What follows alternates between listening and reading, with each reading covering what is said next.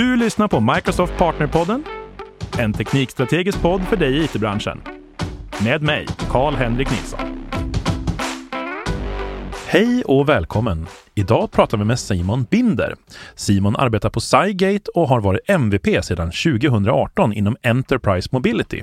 Han beskriver sig själv som arbetsplatsarkitekt och har hemma 26 stycken nätverksuttag på 12 kvadratmeter kontor. Hej Simon! Hej! Varför har man 26 stycken nätverksuttag på 12 kvadratmeter kontor? För att man inte kan bestämma sig för hur kontoret ska se ut innan man börjar bygga det, utan då försöker man att eh, anpassa allting så att jag kan bestämma hur det ska se ut senare. Nätverksuttag är väldigt mångsidiga. För jag tänkte på när du sa det där och tänkte typ att här är det någon som har massor med Keystone-uttag och tre stycken rack. För jag tänkte så här, åtta gånger blir det 20. Nej, du...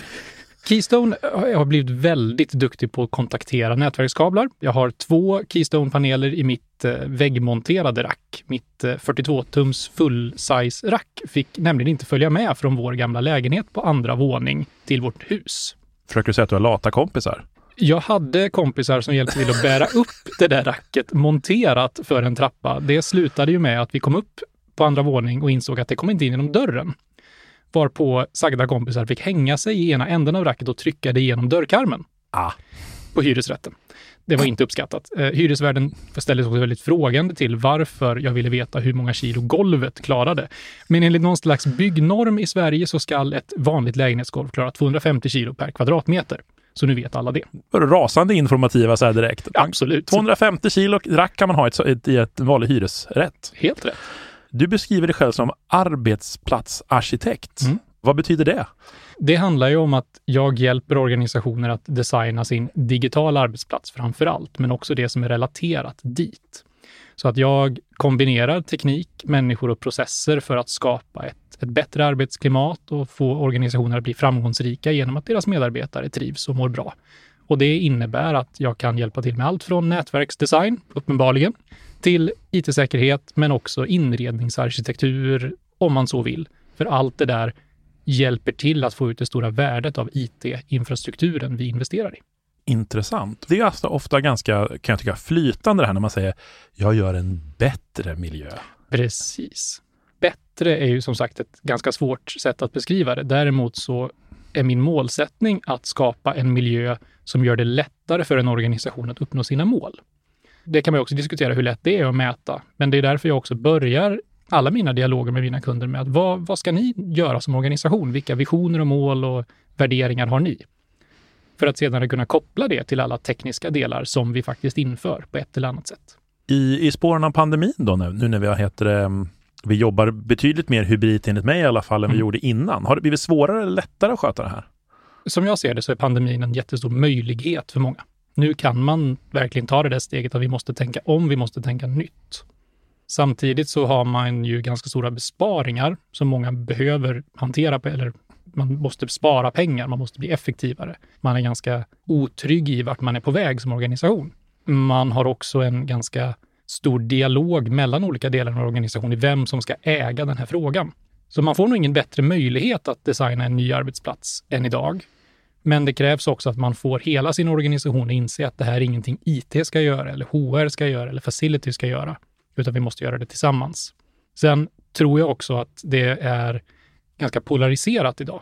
Att man ser organisationer och personer som säger att det ska bara vara 100% remote. Det är det enda riktiga. Man ska ha den här fulla flexibiliteten. Mm, remote och, first eller remote två dagar i veckan, välj ja. själv och hela den där konkarongen. Ja, och jag tycker att det första man ska ställa sig frågan är vad vill vi som organisation? För vissa organisationer kanske inte mår bra av det. Det finns också individer som inte alls mår bra av det. Och då behöver man hitta vad, vilken taktik ska vi ha? En viss grad av flexibilitet för många tror jag kommer bli en självklarhet. Men det behöver inte vara det enda rätta. Jag tror ju att det finns många människor som säger att de vill jobba hemifrån, men som egentligen inte kanske borde, för att de mår inte riktigt bra av det. Jag har varit väldigt öppen med det i mångt och mycket, att jag tycker inte alls om det här sättet. Nu är det lustigt då att jag bygger ett nytt kontor där jag nog ska spendera en del tid, men det är ju för att när jag väl är hemma, när jag väljer att vara hemma, så vill jag att då ska inte det finnas några praktiska utmaningar i det. Däremot så tycker jag det är absolut roligast att faktiskt vara någon annanstans. Det måste ju ha blivit en del följder av att vi gjort om det så här. För jag tänker tillbaka att när jag började i IT-branschen för 150 år sedan ungefär, på den tiden då hade man, eh, man, man låste in hårddiskar i kassaskåp och såna här grejer. Och vi har ju tack gode gud tagit oss en bit därifrån. Men det måste ju ha blivit väldigt krångligt med det här med, med så, jag, jag tänker på informationsskydd, dataskydd, he, hela den här grejen egentligen när det, när det ja, ja, ditt data är distribuerat till hundratals hyresrätter och bostadsrätter och villor runt omkring i, i kanske till och med flera olika länder. Mm. Och det är därför jag nämnde säkerhet tidigare, för jag tycker att det är i många organisationer så ser man inte säkerhet som en möjliggörare. Det är ett hinder, det är den där sista checkboxen man ska fylla i och när man kommer till den sista checkboxen så kommer den ofta säga nej. Det är bilden vi har av en säkerhets eller en IT-säkerhetsorganisation. För att lyckas med det här nya arbetslivet, som man kan kalla det, så måste det här IT och informationssäkerhetsfunktionen bli involverad tidigare, men också förstå vad det är man ska stötta. Och det kan vi dels göra tekniskt. Vi kan också göra det genom olika typer av processer, men den viktigaste delen är ju mänskligheten i det här. Och att man förklarar för sina medarbetare att vissa möten är inte lämpligt att du har hemma. Det handlar inte om att vi inte litar på dig och din familj, men du kan utsätta din familj för en risk om du berättar någonting som de råkar överhöra till exempel. Eller du kan utsätta dig själv för en risk när du haft ett möte på fel ställe. Så jag tror att kombinera de här tillsammans och någonstans få IT-säkerhet att gå åt samma håll som allting annat. Hur kan IT-säkerhet hjälpa organisationen mot sina mål återigen? Och jag brukar jämföra det med att se IT-säkerhet som viltstängslet på en motorväg. Har vi viltstängsel på plats så kan vi tryggt köra så fort som vi bara kan på motorvägen i mitten. Går vi utanför det där viltstängslet, då har vi gjort något fel och då behöver vi hjälp. Men det ska inte vara trafikpolisen på vägen. Det ska vi ha passerat bort ifrån. Vi ska ha det förtroendet för våra bilförare. Jag tror också att du syftar på att man kan köra så fort man får. Vi kan gå vidare därifrån. Jag vet att vi pratade ju tidigare lite grann med att man ska alltid börja med varför. Man ska mm. alltid liksom ha ett varför när man pratar informationsskydd och informationssäkerhet så att folk liksom är, är med på banan. Mm. Har du några sådana här bra, när man ska liksom börja prata om det här för, för att göra det tydligt? Varför vi gör det här, det är ju någonstans att IT-säkerhet först. Varför är vi här? Jo, vi ska säkerställa att vår organisation blir framgångsrik, följer de lagar och regler som finns och att vi inte släpper fel typ av information till fler eller fel personer. Varför man ska bry sig om det, det är ju som organisation, det är ju för att man inte kan allt själv. Vi behöver experter på saker. Och sen behöver man i alla dialoger fortsättningsvis också ha det här. Varför är det här projektet viktigt? Vad behöver ni hjälp med? Varför säger ni nej? Varför säger ni ja till andra som gör en liknande sak? Och ha den dialogen hela tiden. Men när det kommer till tekniska IT-säkerhetslösningar så är det samma sak där. att Varför inför vi ett mobilhanteringsverktyg? Varför behöver vi göra den här typen av inställning? Det förhindrar mig i mitt sätt att jobba. Och att inte kunna förklara det på ett sätt som vanliga människor förstår, då kommer man mötas av motsättningar hela tiden. Tror du att det kan finnas ett värde i att till exempel kanske göra enklare förklaringar av typ GDPR eller andra typer av certifieringar och dataskyddsförordningar man försöker följa bara för att kunna ha liksom något, en simplare förklaring att luta sig mot? Absolut, och jag tror att det handlar om att sätta det i en kontext som man förstår. Det är väldigt lätt att ta ett, en generisk utmaning. Ja, vi ska inte lämna datorn på ett, eh, det här internetcaféet som folk pratar om men ingen någonsin har sett det är inte relaterbart, utan faktiskt lägga tid på att om man har en organisation som kanske ser väldigt olika ut, man kan ha väldigt många olika yrkesgrupper, att lägga tid på att faktiskt skapa exempel som är applicerbart för varje individ. Som är på rätt risknivå, rätt hot, som är realistiskt som man kan liksom förstå och tänka sig in i. Att jobbar jag som lokalvårdare så måste jag förstå att nycklarna jag har som går till allting, det kan leda till ganska stora säkerhetsrisker, även om mitt jobb inte innefattar kontakt med känslig information. Jag entreprenör och bygger någonting nytt, är det samma sak där. De här ritningarna som jag har, som hjälper mig, kan skapa utmaningar om de kommer på vift senare. Så att man hela tiden relaterar det till någonting som är förståeligt för individen. Jag tror också så här, för jag vet att jag har fått utbildningar på andra bolag där man har sagt ja, men det här ska vi göra för vi ska följa den här grejen. Mm. Och jag tänker så här, jag, jag har sett det mycket i så GDPR, Mm. eh, framförallt i GDPR-sammanhang, men det är väl för att man har blivit mörbultad med det. Men där folk går och säger så här, ja men vi måste följa det här för då, det här är kraven liksom. Mm. Och istället kanske man skulle säga att, ja men vet du, det kan vara så här att en person hör av sig och efterfrågar att få ut sin information Mm. och då har vi 72 timmar på oss att svara. Därför måste vi veta var den finns. Precis. Jag menar, det måste ju också vara att man lägger information, alltså man måste förklara varför jag måste ha det på ett speciellt sätt för att kunna, för då måste man ju också kunna få hjälp, tänker jag, av sin, sina smarta anställda på att göra det kanske på ett ännu bättre sätt. Absolut. Vi, vi människor vill ju hjälpa andra. Och genom att förklara att om ni fortsätter att jobba på det här sättet så kommer ni göra andra människors vardag mycket, mycket svårare. Era kollegors framför allt. Så kan vi hjälpas åt att uppnå det här målet som vi alla någonstans är överens om är viktigt. Rätt till sin egen data och så vidare. Men att man sätter det i den större kontexten med, precis som du säger, att det, det finns inget självändamål nödvändigtvis i att vara compliant med ett visst ramverk. Vi måste ha en strategi till varför. I GDPR-fallet så är det, ja, det, det är väldigt svårt att göra business överhuvudtaget om vi inte följer de här reglerna. Är det andra typer av certifieringar så kan det vara ett konkurrensmedel eller något som kunderna förväntar sig. Och det får ju en direkt påverkan på min vardag som anställd. Ja, för du har ju pratat ganska mycket tycker jag om det här när man har hört det, att det finns, för det mesta finns det stora fördelar för bolag med informationsskydd. Absolut.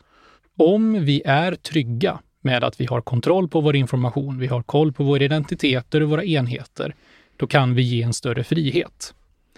Om vi inte har det, om vi inte använder ett avancerat skydd för enheter, om vi inte skyddar våra identiteter, då måste vi också ta ett större personligt ansvar i många fall. Och vi kan heller som säkerhetsorganisation då inte förutsätta att alla gör som de har blivit tillsagda.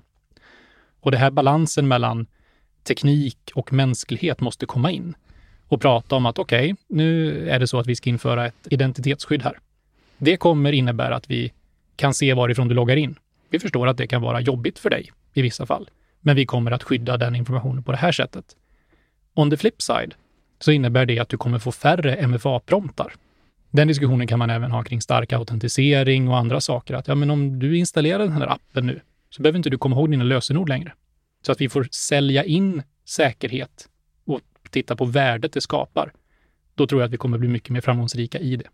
Du börjar komma in lite grann på verktyg också som man kan använda. För att okej, nu pratar vi så här people and processes Mhm. ganska mycket. Eh, Men det finns ju också mycket verktyg som man kan använda för att, för att öka säkerheten på.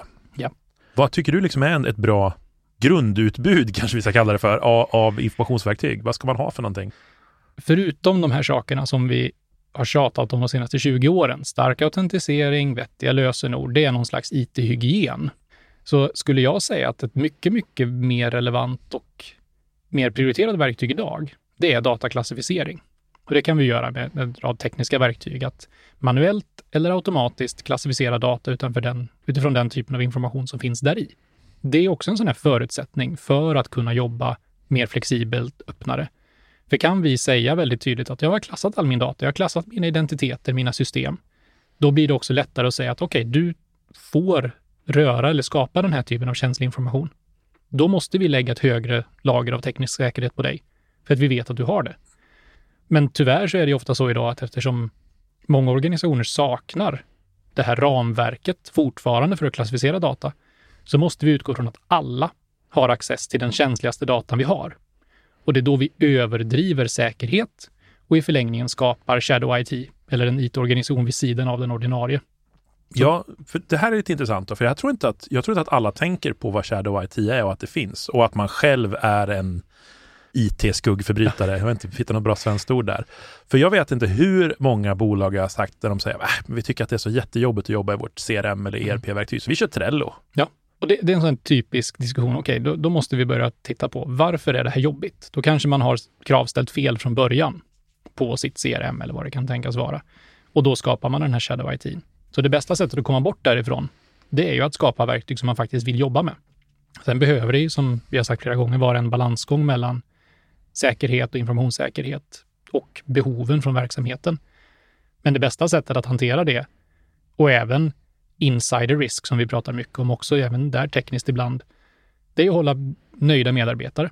Då kommer vi också hamna i ett läge där det är mycket lättare att kontrollera saker, där vi har fler människor som vill göra rätt och känner att de har möjlighet att utföra sitt jobb. För at the end of the day, det är det man vill göra. Det är ingen som Alpin installerar en ny app för att jobba istället för i CRM. Man gör det för att man tror att man kan göra jobbet bättre. Och i många fall kan man säkert det, än det verktyg man har givits. Men man har ju valt det verktyget av en eller annan anledning. Och då behöver vi se över vad är det som inte är optimalt och varför valde man det från början? Och de här dialogerna kan vara ganska jobbiga för en IT-avdelning. För i vissa fall så har man inte det, den spårkedjan bakåt. Vi valde det här verktyget för att någon någon gång tyckte att det var en bra idé. Men kan vi börja med att samla in behoven, koppla det till krav och så vidare, då kommer vi också kunna spåra tillbaks varför vi valde det här och inte andra alternativ. Och att våga också vara agila i att okej, okay, nu har vi valt det här. Det innebär inte att vi måste sitta fast i det i tio år. Det låter lite grann som att du baserar väldigt mycket av dina tekniska beslut i den här tidigare delen du pratade om. Att man måste förklara för användaren varför det är viktigt så att för att kunna få, få ihop det så att säga. Ja men absolut, det, det är ju centralt för mig. Jag tror inte på en IT-organisation som bara drivs utifrån det man själva tycker är bäst. Eller förutsätter att man kan sin verksamhet bättre än verksamheten själv. Eh, det kommer vara otroligt mycket lättare att bedriva effektiv IT om man har med sig organisationen istället för som det i många fall är idag där man har en... Jag har träffat kunder som tycker att IT är inte en del av verksamheten. Det är en separat entitet. Och då har man misslyckats radikalt i mitt sätt att se på det.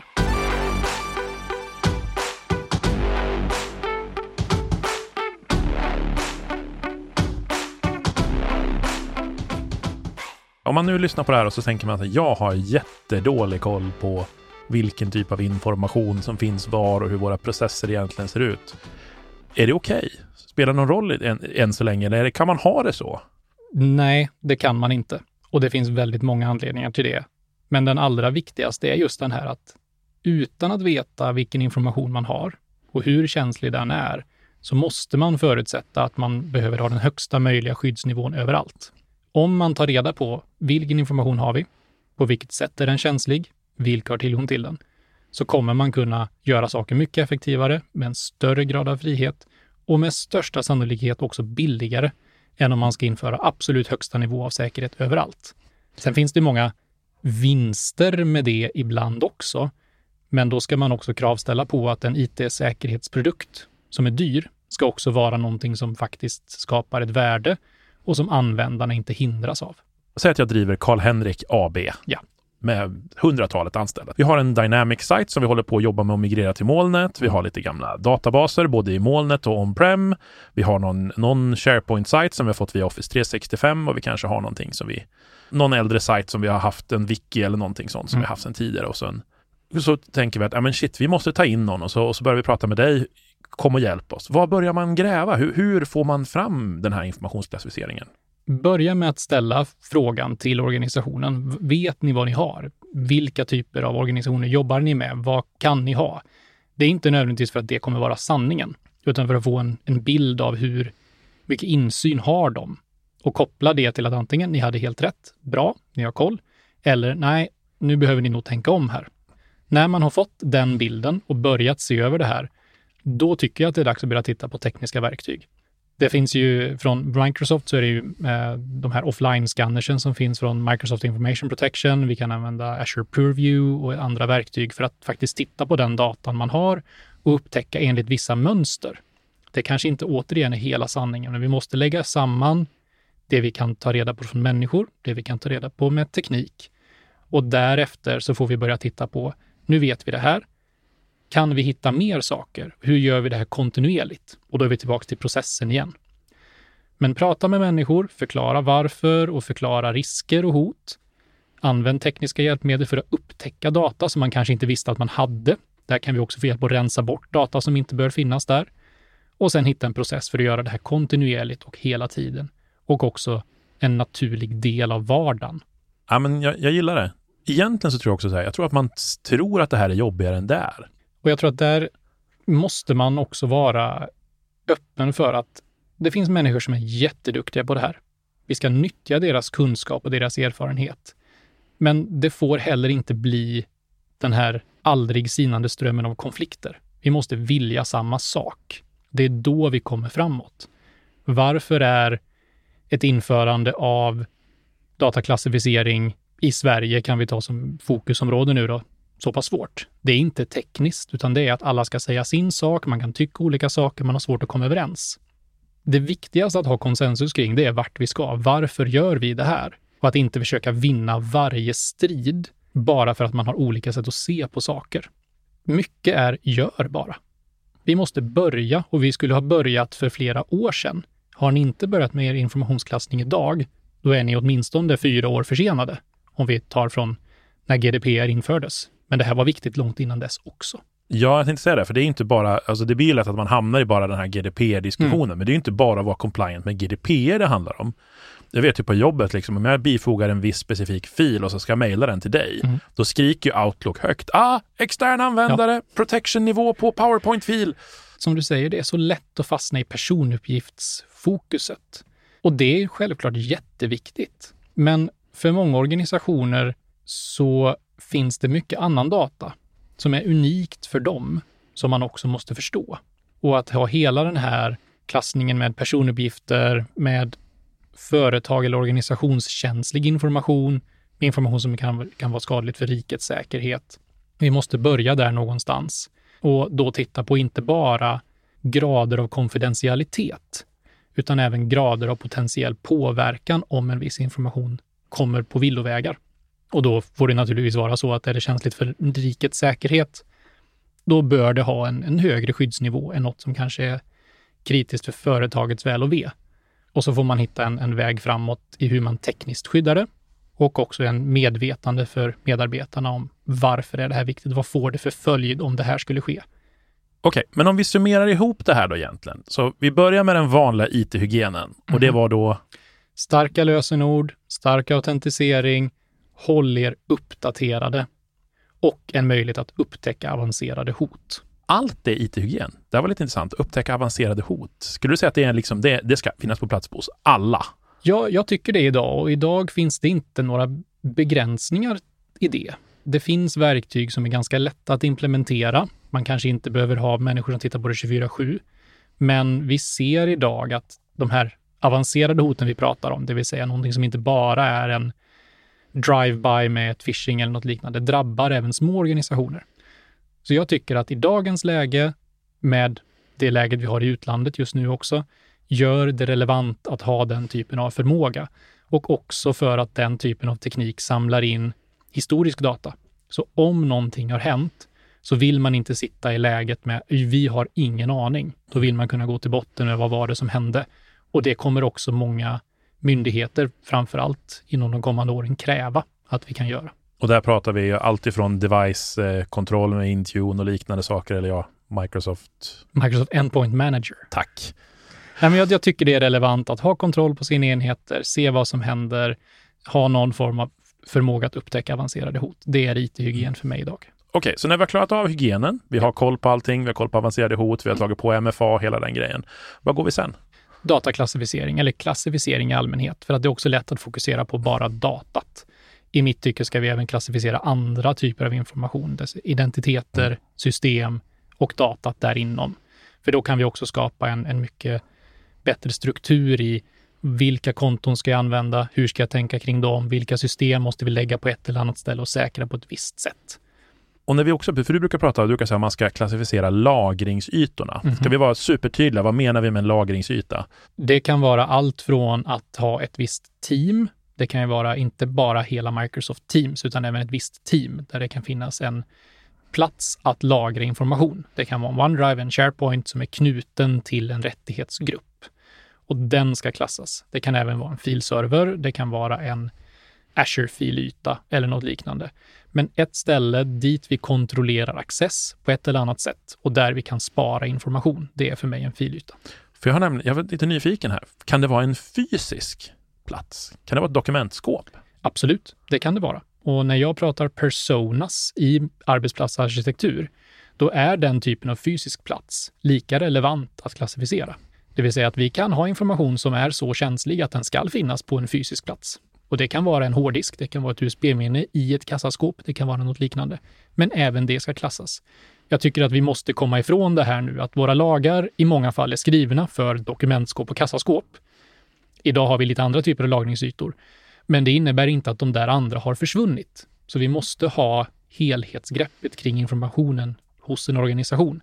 Det innebär att det är inte heller okej okay att ha känslig data på ett USB-minne, hur långt ifrån ett nätverksuttag det än är.